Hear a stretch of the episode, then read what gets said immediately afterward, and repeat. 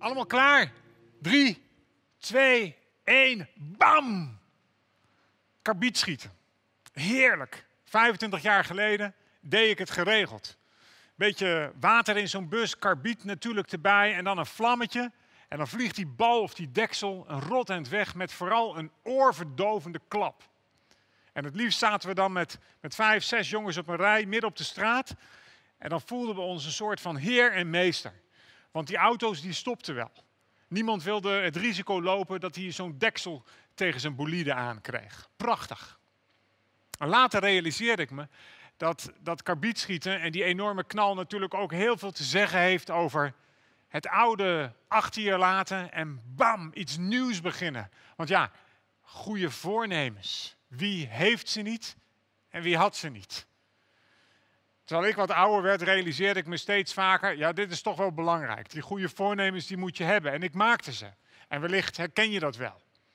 Dat je dit nieuwe jaar bent begonnen en dat je toch op zijn minst het verlangen en de hoop hebt dat het dit jaar 2021 anders wordt dan afgelopen jaar met al die nadigheid van de pandemie.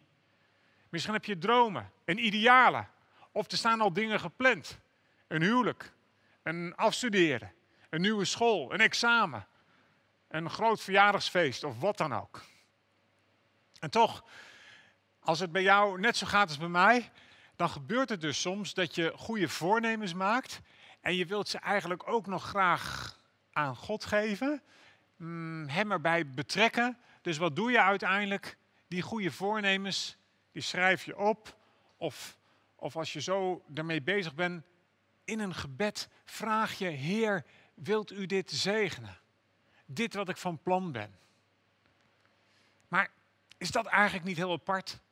Dat wij onze ideeën en voornemens hebben voor 2021 en dat we dan God vragen of Hij onze plannen wil zegenen? Is er eigenlijk niet iets heel anders waar we naar mogen verlangen? Wat we mogen gaan zien?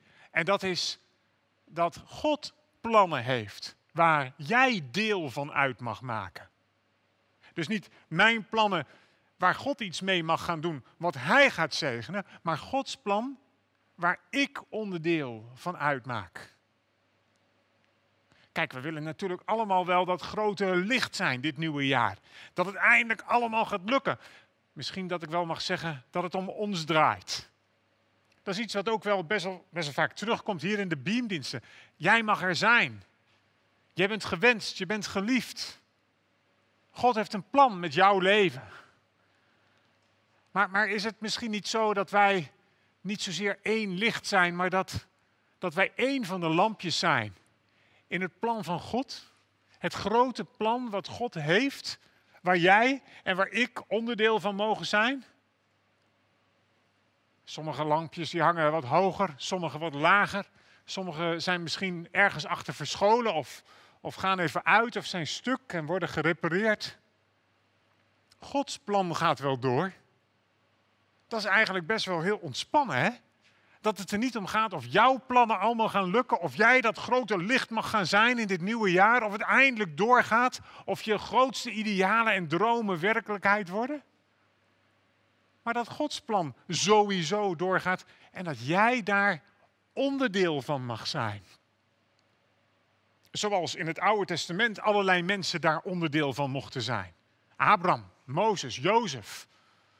Zoals in het Nieuwe Testament allerlei mensen onderdeel mochten zijn van Gods plan. Maria, Petrus en wie dan ook. Misschien, misschien is je opa of je oma overleden afgelopen jaar. En toch waren zij onderdeel van Gods grote plan. Je vader, je moeder. Zonder dat het betekent dat God allemaal daarachter zit. Hè? Zo van, oh God heeft corona gestuurd. Oh God gebeurt. Nee, maar het loopt God niet uit de hand. En jij en ik, nou laat ik het bij mezelf houden. Veel te vaak ben ik bezig met het maken van plannen en ideeën. En dan hoop ik dat God het gaat zegenen. In plaats van dat ik in een soort ontspannenheid mag weten, ja maar ik mag als lichtje onderdeel zijn van Gods plan. Ik ben maar een klein lampje. Zelfs de grootste sterren op Insta, op TikTok of waar ook, zijn een klein onderdeel in een groter plan van God. De Bijbel zegt er ook iets over. in Jeremia, hoofdstuk 29. Mijn plan met jullie, zegt Jeremia, nou ja, spreekt de Heer, staat vast. Ik heb jullie geluk voor ogen en niet jullie ongeluk. Ik zal je een hoopvolle toekomst geven. Mijn plan met jullie staat vast. Zijn woorden van God, hè? Gods plan staat vast. Ook in 2021. Hij weet al wat er gebeurt. Vandaag, maar ook volgende week. En hoe deze zomer eruit gaat zien. En hoe dit jaar kerst eruit gaat zien. God weet het al.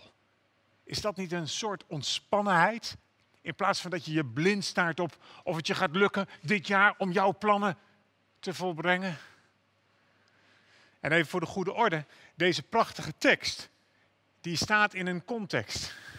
En dat betekent ergens in een hoofdstuk. Je kunt hem eruit halen en boven je bed hangen of op een mooie aanzichtkaart schrijven. Daar is op zich niet zoveel mis mee.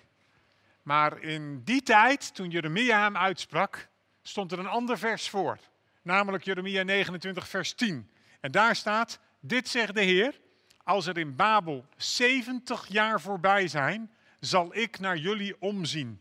Dan zal ik mijn belofte gestand doen door jullie naar Jeruzalem te laten terugkeren. Poeh, 70 jaar. Mijn plan met jullie staat vast. Over 70 jaar word je bevrijd. Kom er dus mee. Dat is nog wat anders dan een jaar met een pandemie zitten, terwijl er toch ook nog een heleboel doorgaat. En toch, God gaat door. Een hoopvolle toekomst zal ik jullie geven. Ik weet niet hoe dat met jou gaat, maar dan durf ik het nieuwe jaar in. 2021 hoopvol tegemoet gaan. Om de eenvoudige reden dat het niet om jou draait. De focus van jou, die mag naar God. Eén van de lampjes mag je zijn. In het grote plan van God in deze wereld. En dat is een belangrijk lampje. Je doet ertoe. Je mag er zijn. Maar het draait niet om jou. Maar om de God die jou het leven geeft. En wiens plannen vaststaan. De focus van jou naar Hem. Van jouw plannen, onzeker, naar Gods plannen die zeker zijn. Van misschien wel uitzichtloosheid bij jou naar het loopt God niet uit de hand aan zijn kant. Ik wens je een heel mooi 2021 toe. Een gezegende tijd, een gezonde tijd. Waarin een soort heilige ontspannenheid ontstaat. Dat het er niet om gaat dat jouw ideeën voortgang vinden. Maar dat je mag geloven een onderdeeltje te zijn van wat Hij bedacht heeft. Een weg en een plan met deze wereld en jouw leven en in dat van mij. Waar zekerheid is en hou vast. En wat Hij nooit zal laten gaan. God zij met je.